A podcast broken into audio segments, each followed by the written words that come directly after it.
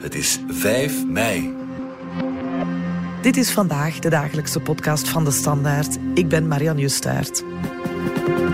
Zonder geld en zonder kroon strekt het koning zijn tot hoon. Zo luidt het spreekwoord. Over die kroon moet de Britse vorst Charles zich straks geen zorgen meer maken, maar wat met de rest? Er is veel kritiek op het geld en op de kostprijs van het koningshuis. Erg populair is Charles niet. Kan hij op 75-jarige leeftijd zijn stempel drukken? En wat mogen we verwachten van de kroning zaterdag?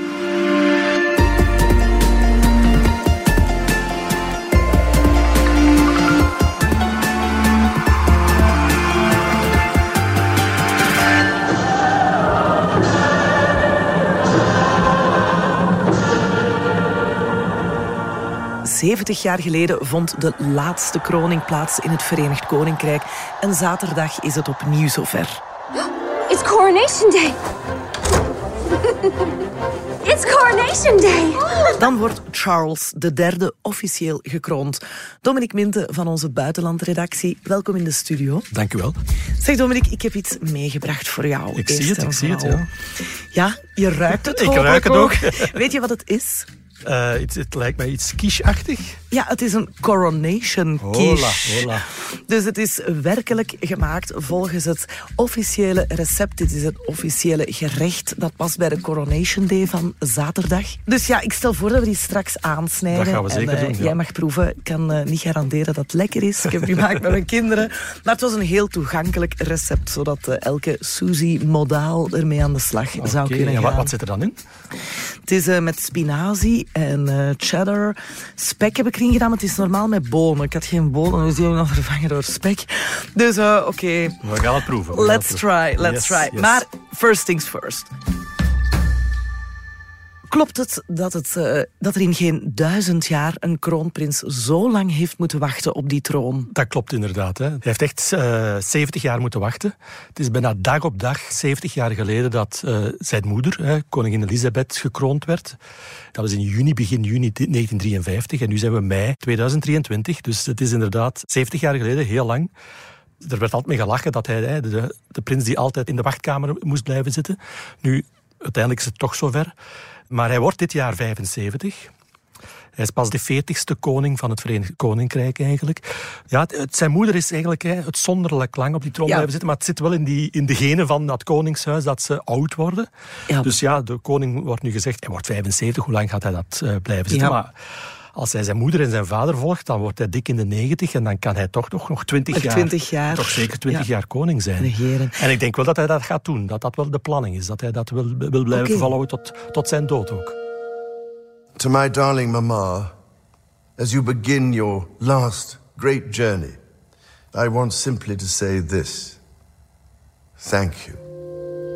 Thank you for your love and devotion to our family and to the family of nations you have served so diligently all these years.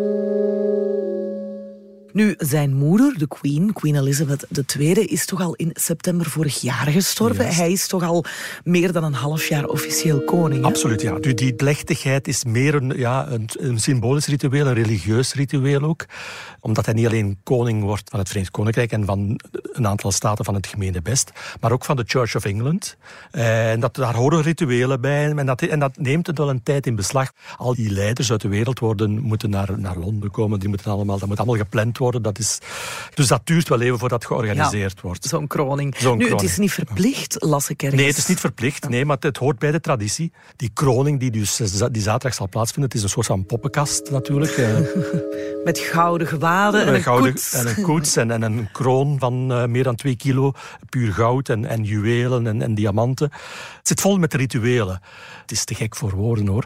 Er wordt bijvoorbeeld een steen overgebracht van Edinburgh. De, de, de Stone of Destiny of de Stone of Scone. Op zich is dat al een podcast waard eh, om uit te leggen wat daarachter zit, achter die steen. Dus ja, het zijn allemaal eh, rituelen die, die moeten gebeuren. Ja, de Britten kijken daar toch nog, of een deel van de Britten kijken daar toch Kijk nog altijd toch nog naar, uit. Ja, ja, ja.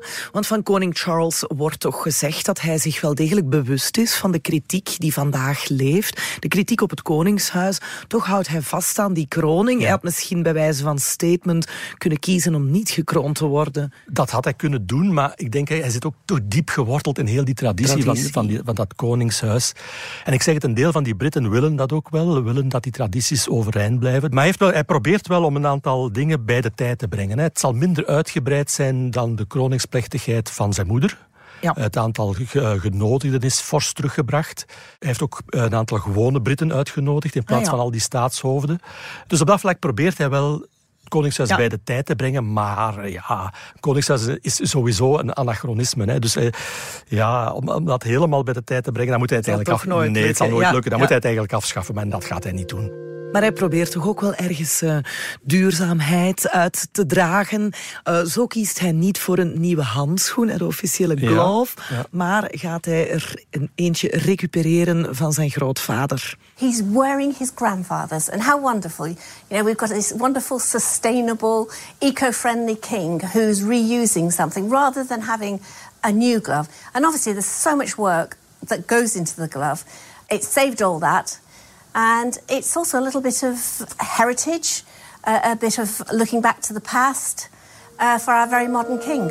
We hoorden hier een dame van de handschoenenfabrikant die verantwoordelijk is voor die glove. Dus hij presenteert zich wel degelijk als eco-friendly, omdat hij de handschoen recupereert. Absoluut, ja, ja. Dat is uh, Charles altijd geweest. Hè. Als prins al was hij heel erg milieubewust. En, en, ik denk dat dat wel oprecht is, dat, die, dat, bewust, dat milieubewustzijn, dat heeft hij altijd wel hoog in het vaandel gedragen. Hij heeft daar boeken over geschreven. Dus daar houdt hij wel rekening mee. Het is ook een beetje, soms is het, is natuurlijk grappig en absurd. Dus uh, een van de meest heilige momenten, als ik het zo mag noemen, in, in heel die kroning, is als hij het heilig oliesel krijgt ah, ja. van de, de aartsbisschop. Ja. En dat is een speciaal recept, dat, dat een geheim recept ook van dat oliesel. In tegenstelling tot de quiche. in tegenstelling tot de quiche, ja. Uh, maar daarvan wordt nu gezegd dat er uh, geen dierlijke vetten gebruikt worden ah, ja. bij, bij, de, bij de samenstelling. Ah, ja, dat, is zijn eigen dat is zijn, accent. Dat is zijn accent daar ook weer in. Dat groene accent dat hij dan wil leggen. Maar ja, of, hij daar, of het milieu daar nu beter van wordt, dat betwijfel ik heel erg sterk blijft wel veel kritiek komen ook op zijn levensstijl. Hij, hij vliegt heel veel, hij neemt vaak de helikopter. Dat is allemaal niet zo goed voor het klimaat. En daar zegt hij dan weer op, ja, als ik dat niet mag nemen, ja, dan kan ik mijn, mijn plichten die ik toch heb. Hè. Hij moet het volk vertegenwoordigen, hij moet het koningshuis, hij moet overal zijn. Ja. Dan, kan hij dat, dan kan hij dat niet blijven doen. En ja, dus, maar dat, dat kennen we van ergens. Hè? Dat kennen we nog van ergens, ja. Een déjà vu met de Europese president Charles Michel, ook, een, ook een Charles. inderdaad. Dus daar worstelt hij wel mee. Maar zijn milieubewustzijn is wel oprecht. Daar, daar, daar moeten we ja. niet over twijfelen. Hij doet echt zijn best om, om die kroning meer bij de tijd te brengen. In de zin van, hij let op de kosten. Nu, het gaat nog altijd een, een, een, een, een pak geld kosten, maar enfin, het zal minder zijn dan... dan Omdat het ook al veel minder lang duurt. Het gaat minder ja. lang duren. Uh, hij gaat ook proberen om meer vrouwen daarin te krijgen. Ah ja, ook, uh, het, is, het wordt meer ook een soort van inclusieve aangelegenheid. Hè. Dus heel veel uh, religieuze leiders van andere geloven zijn, zijn aanwezig. Hè. Van de hindoes over de boeddhisten tot de Jaan zelfs. Dus op dat vlak probeert hij wel meer een weerspiegeling te zijn van ja. die, die Britse samenleving die in de voorbije 70 jaar toch veel diverser is geworden. Ja. Nee, dus daar heeft hij wel oog voor en dat wordt wel geapprecieerd. Ja, appreciëren de Britten dat? Ja, ja dat, denk ik, dat vind ik wel. Nu, de voorbije weken zijn er weer heel veel... Uh, opiniepeilingen gedaan en onderzoek ja. van hè, moeten we de koning nog hebben en is, is hij goed bezig en zo. De resultaten spreken elkaar al wel een beetje tegen, afhankelijk van de, hoe dat de vraag wordt gesteld. Wat je wel heel erg duidelijk ziet, is dat hij minder populair is dan zijn moeder. Ja. Dat, dat, blijft nog altijd zo. Zijn moeder blijft nog altijd, ook al is ze gestorven, het meest populaire lid van de koninklijke ja. familie. Ook zijn zoon William is nog altijd populairder. Maar de algemene indruk is wel dat hij, zeker onmiddellijk na de dood van de moeder, heeft hij dat wel goed gedaan. Dus hij heeft de manier waarop hij naar buiten is getreden, dat is wel geapprecieerd geweest door de Britten.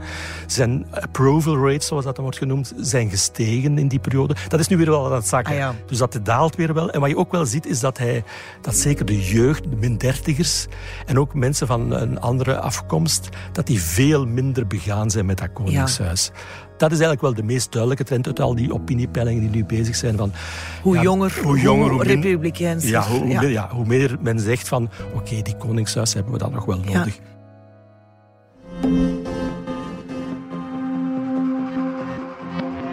Eén ritueel lokt controverse uit in alle lagen van de bevolking.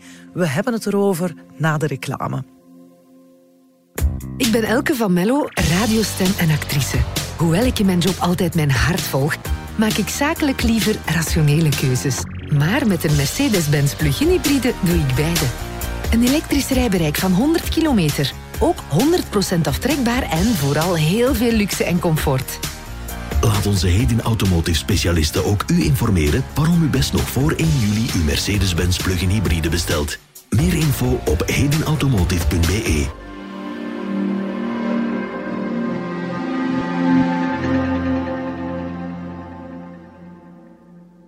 We zijn terug bij koning Charles en zijn nakende kroning. Blijkbaar jaagt hij toch een deel van de Britse bevolking op de kast, omdat hij vasthoudt aan één ritueel. Vertel, Dominique. Ja, het is ook weer iets heel raar. Uh, het is een belangrijk onderdeel van, van heel die, die kroningsplechtigheid is dat men trouw zweert aan de, aan de koning.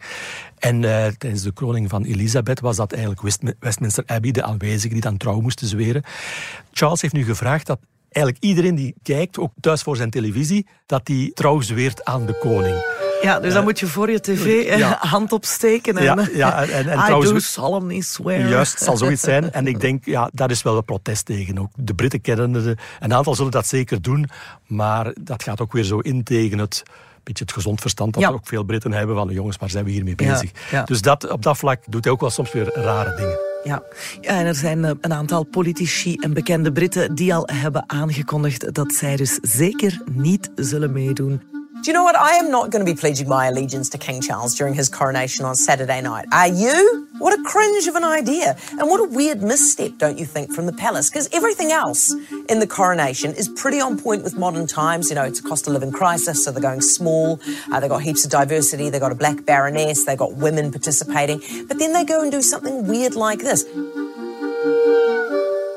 Ja, hoe groot is die groep van eetweigeraars? En heeft dat eigenlijk gevolgen in de praktijk? Niemand kan dat controleren. Hè? Of Mm. Nee, jij nu nee. meedoet voor je tv met... het, eh, het heeft geen enkel gevolg. Eh, Nee, je kan er eigenlijk geen, geen getal op plakken op hoeveel mensen dat nu gaan weigeren. Ik zeg het veel, ik denk heel veel Britten dat, zullen dat niet doen.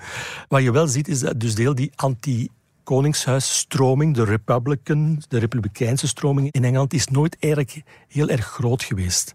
Wat je nu wel ziet, is dat er toch wel wat meer protest terugkomt. Dus de koningin is dood, eh, leeft de koning, maar een aantal mensen hebben dat toch dat moment gebruikt om toch weer te gaan protesteren tegen de koning. Toen hij ook zijn bezoeken heeft gebracht aan de verschillende delen van het koninkrijk, dat heeft hij onmiddellijk na, na Ja. de dood van de koningin gedaan om heel dat koninkrijk, de vierde, Schotland, Wales, Noord-Ierland, bij, bij het koningshuis te betrekken, is hij die allemaal gaan bezoeken. En daar waren er wel wat protesten, daar is dan geroepen. Die mensen zijn ook eh, hard aangepakt, die zijn o- o- gearresteerd zelfs. Ja. Maar je ziet wel dat die republikeinse stroming, dat die voelen dat ze opnieuw wat, misschien wel wind in de zeilen kunnen krijgen. Sinds, sinds de dood van de koningin. Not my king! Not my king! Ja, we horen hier de protesten waarbij de mensen Not My King roepen. Hoe komt dat eigenlijk? Wat zijn hun belangrijkste argumenten? Het belangrijkste blijft natuurlijk dat het koningshuis een soort van anachronisme is in, in deze moderne tijd. Dat dat, hij geen eh, democratisch verkozen staatshoofd is. Wat je ook wel steeds vaker hoort, is is die rijkdom van, van de royal family. Hè. De Britse koningshuis is een van de meest rijken, zeker in Europa, veruit de rijkste. Daar is wel wat kritiek op. Maar het blijft ook een ingewikkelde kwestie. Van hoe, hoe rijk is, is die koninklijke familie nu? Hoeveel geld gaat daar naartoe? Dragen ze terug bij aan de samenleving? Dat is een debat dat nu ook weer volop bezig is. The Guardian heeft een interessante podcastreeks lopen. The Cost of the Crown heet ze. All of this week, we're bringing you a special investigation into royal wealth and finances as Britain prepares for the coronation of King Charles III. Maeve McLennigan and her colleagues in the investigations team tell you the story of what the modern monarchy actually costs and how they hide their riches from public view. En daaruit heb ik onthouden dat niemand exact weet hoe groot dat fortuin van de Windsors, eh, de koninklijke familie, is. Ja, dat klopt. Ook twee grote Britse kranten, The Guardian en The Times, hebben de voorbije weken onderzoek gedaan naar het fortuin van Charles dan. En zij komen eigenlijk tot twee verschillende, totaal verschillende bedragen. The Guardian schat het fortuin op bijna 2 miljard, terwijl bij The Times het maar 600 miljoen zou zijn. Dus dat geeft nogmaals aan dat het heel, heel vloe is, dat het, dat het heel ondoorzichtig is. Nu opnieuw van Charles wordt uh, gezegd dat hij zich wel bewust is uh, van het feit dat dat uh, in de ogen van de modale Brit echt wel heel veel geld is.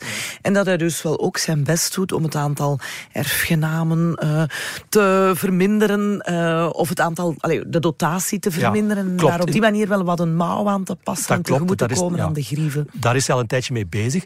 Dus die koninklijke familie, hij wil die kleiner maken. Degenen die, vast, die een vast inkomen hebben, zijn dan alleen hij nog. En dan zijn, zijn zoon William en, en, en zijn vrouw Kate, omdat dat de directe erfgenaam zijn. Maar bijvoorbeeld Harry, Ah ja. krijgt niks meer. Het zwarte schaap. Het zwarte schaap krijgt niks meer. Ook voor een deel omdat hij zelf uit die koninklijke familie is gestapt. Ja. Dus, maar hij, hij, moet wel op de blaren zitten, op de financiële blaren zitten. Waar hij ook mee bezig is, is dat uh, prins Andrew, zijn broer, misschien wel het zwartste schaap van de Mhm, familie, ja, ja. de man die in, in opspraak is gekomen in de Epstein-affaire. Ja, zedenfeiten. Zedenfeiten. Die heeft ook te horen gekregen dat hij een aantal uh, huizen waarin hij, of ook het huis waarin hij woont, een van die vele landgoederen die ze hebben, dat hij daar moet vertrekken. Dus hij wil dat wel afslanken. Maar anderzijds zie je dan ook weer hij heeft bijvoorbeeld uh, de koning nu, na de overlijden van de queen, heeft hij Balmoral geërfd. Dat was echt nog in privébezit van de koningin. Dus dat is nu van hem. Dat is in, van, in, in Schotland, het grote kasteel in Schotland. Hij moet daar geen erfenisbelastingen op betalen. Oké. Terwijl de gewone Brit, gewone Ja, Brit toch uh, ook erfenisbelasting moet betalen. Dus daar is nu wel wat kritiek op van, ja, waarom betaalt hij dan ook geen erfenisbelasting daarop? Dat ontwijkt hij dan een beetje van, ja, dan moeten de politici maar die wet aanpassen en dan zal ik dat wel doen. En niet alleen in het Verenigd Koninkrijk zelf rommelt het, maar ook in andere landen van uh, de Commonwealth, uh, het Britse gemene best, zien ze het eigenlijk niet echt meer zitten om nog afhankelijk te zijn van het Verenigd Koninkrijk. Charles te erkennen als hun koning. We horen hier een uh, Jamaicaan die dat uit. I think Jamaican people want the right to elect their head of state. Dat debat over de uh, het gemene best, want daar gaat het over, dat is eigenlijk al een tijdje bezig. Laat me misschien eerst uitleggen wat dat gemene best Ja, eigenlijk is, graag. of de Commonwealth. Ja, dat is eigenlijk in, in 1949 opgericht als een soort van erfenis van het grote Britse koloniale rijk. Alle landen die ooit een kolonie waren van Engeland, die werden verenigd in het gemene best. En aanvankelijk ging dat over ja, een derde van de wereldbevolking. Dat waren 55 landen. De koningin was dan staatshoofd van al die landen. Dat is sterk verminderd. Een aantal landen zijn niet uit Commonwealth gestapt, maar hebben gezegd van wij willen de koningin niet meer als ons staatshoofd. En dat debat gaat verder. Dus Jamaica is ermee bezig, maar ook ja, Nieuw-Zeeland is daarmee bezig. En ik denk dat dat eigenlijk een evolutie is die niet, Niet te is houden is. tegen, Ja, niet, ja. tegen te houden is. Als zelfs de koningin, de geliefde koningin, dat hij niet heeft kunnen stoppen, dat gaat, dan gaat Charles Ja. dat helemaal niet kunnen stoppen. Dus dat, daar gaat hij rekening mee moeten, moeten houden. Maar ik denk ook wel dat hij zo realistisch is, dat hij dat ook wel beseft. hij dat beseft. het nog weinig zin heeft dat hij ook nog altijd het officiële staatshoofd van Canada is of van Australië. Ja, hoe gaat hij het doen? Hè? Dat is de vraag. Zijn eigen zus, prinses Anne, zij zegt alvast dat hij op zijn leeftijd niet meer zal veranderen. Well, you know what you're getting because he's been practicing for a bit. and I don't think he'll change. You know, he is committed to his, his own level of service, and that will remain true.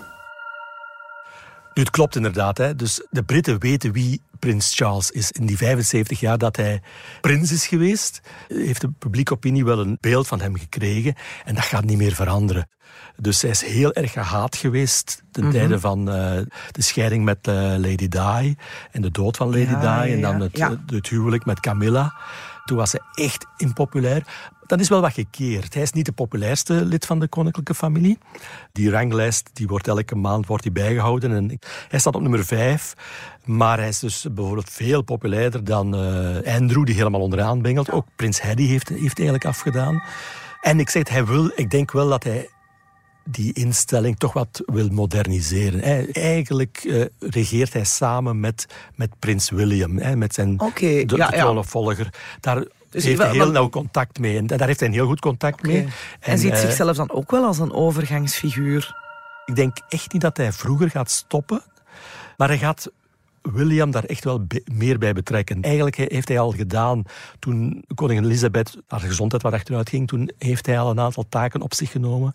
Heeft daar toen ook prins William heel erg bij betrokken. Dus je, ziet wel dat dat een soort van... Die twee gaan elkaar wel eh, versterken. Dat is ook, prins William is ook populairder bij de Britten die het koningshuis wel in hun hart dragen. Die hadden eigenlijk misschien een aantal, dat hoor je wel telkens terugkomen, een aantal van hen had graag gehad dat William meteen koning was geworden. Maar dat heeft hij dus niet gedaan. En omdat hij dat niet gedaan heeft, denk ik ook niet dat hij vervroegd gaat stoppen. En als hij dan zo eh, vloekt op zijn pen omdat er eh, inkt uitlekt, maakt hem dat dan sympathieker?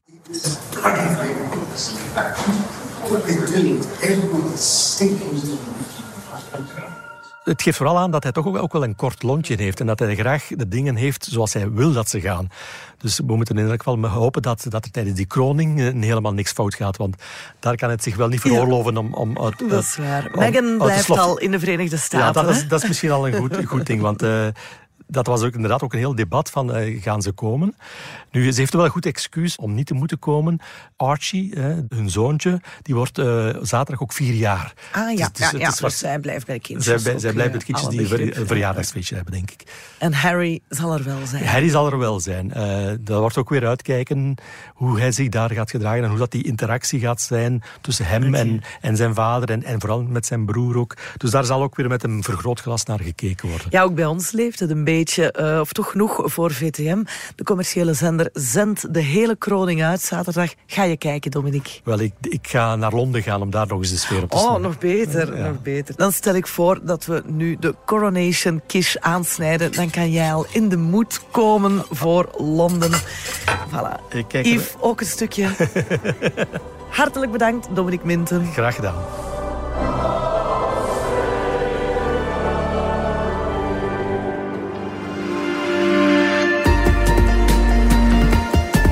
Dit was vandaag de dagelijkse podcast van de Standaard. Bedankt voor het luisteren.